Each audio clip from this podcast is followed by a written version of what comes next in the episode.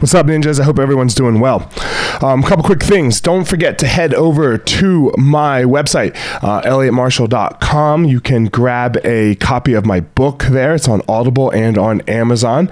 Um, also, there is my webinar, um, and this can be reached from my Instagram, so FireMarshal205 give it a like, give it a follow, and you can get uh, my webinar there. You can get a free copy of my ebook there as well.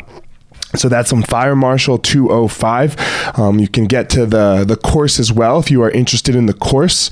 And other than that, head over to my YouTube channel. Uh, again, Fire Marshal. I think it's Fire Marshal 01 for the YouTube. And give it a like, give it a subscribe, enjoy the content. And uh, man, that's it. I, if you are enjoying this podcast, please again share it with somebody. I would love if you sent something that you felt really helped you to a friend. So uh, forward that on. That would be greatly appreciated. Obviously like and subscribe on itunes or spotify wherever you're listening. So um, without further ado here we go. Good morning everybody. Hope you're well. Hope you're happy and healthy. Hope you are enjoying your life.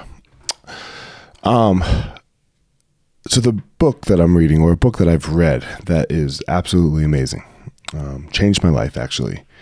The Four Agreements. Agreement number one: be impeccable with your word. Agreement number two: don't take anything personally. Agreement number three: make no assumptions. And agreement number four: always do your best. But I don't like the word best, so I like to say find the most skillful action. Let's talk about the first one today the impeccable with our word piece. Where do you start?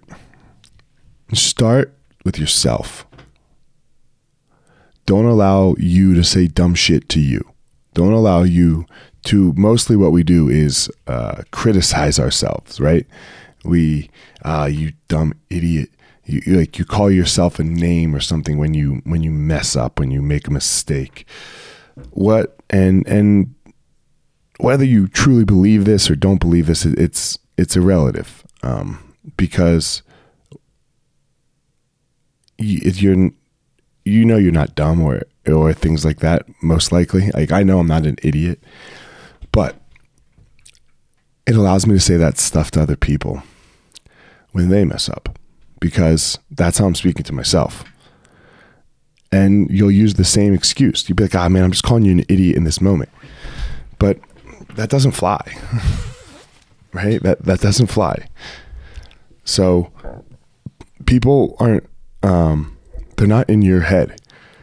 So uh, calling them an idiot and then trying to backtrack off of it and say you didn't mean it or whatever it is you're tr- whatever ah uh, man my bad like the apology of it afterwards um it doesn't go so skillfully doesn't go so well they might give you grace once or twice but do it a couple more times and watch what happens.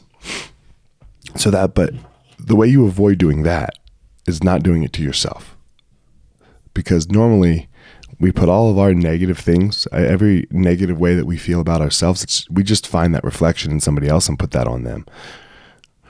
We don't, it's not a, it's not really a thing where you're like, where you call someone an idiot if you don't feel like an idiot, or you call someone whatever you may say to them, how, if you don't if you don't feel that way as well if that peace right your shadow they you know it's called is not in you. So um, be impeccable first with your word to yourself. The second piece of the impeccable with the word is uh, i stole this from everybody steals everything right? From Trevor Moawad. Don't say dumb shit out loud Think about it for a sec. All all the dumb shit that you say, me too, right? and I've had to really, really work on this one. Really, really hard. I, I just can't say dumb shit out loud because when I say dumb shit out loud, it just goes so south. it goes so south because fuck man. I say something dumb and it's okay, but then I say something really dumb and it's not okay it's just not okay. Like you hurt someone's feelings, and and I totally agree that uh, people's feelings are on them. But I don't want to be going around hurting. I don't. I don't want to be going around having making people have to deal with some dumb shit that I said, especially if I don't mean it. right? Especially if I don't mean it. So don't say dumb shit out loud. There's a little kid at, on a football team I coached the other day, flag football team, and we lost, and he was upset. He's like, "I'm gonna throw my mouthpiece at the ref." Is he gonna go throw his mouthpiece at the ref? No, he's not. And I know he's just messing around, but you have to put a halt to that. Because what if there is another kid who's over there thinking and hearing? Yeah, my younger kid, Simon, plays on this team. Like he's seven. These kids are 11. What if Simon's like, oh man, all right, the older kid said he's going to, I'm going to go do it. So the older kid likes me. And then here we are. Right? Simon's going to get in trouble. This kid's going to get in trouble. Don't say dumb shit out loud. And then the third piece with the impeccable with your word is you must hold yourself accountable. You must hold yourself accountable when you do when when you aren't impeccable. You you have it's like you have to note it. Be like, no, that wasn't impeccable. try again. Nope. Try it. Okay, I could try again. You, you, there's only one person to hold you accountable. It's it's you.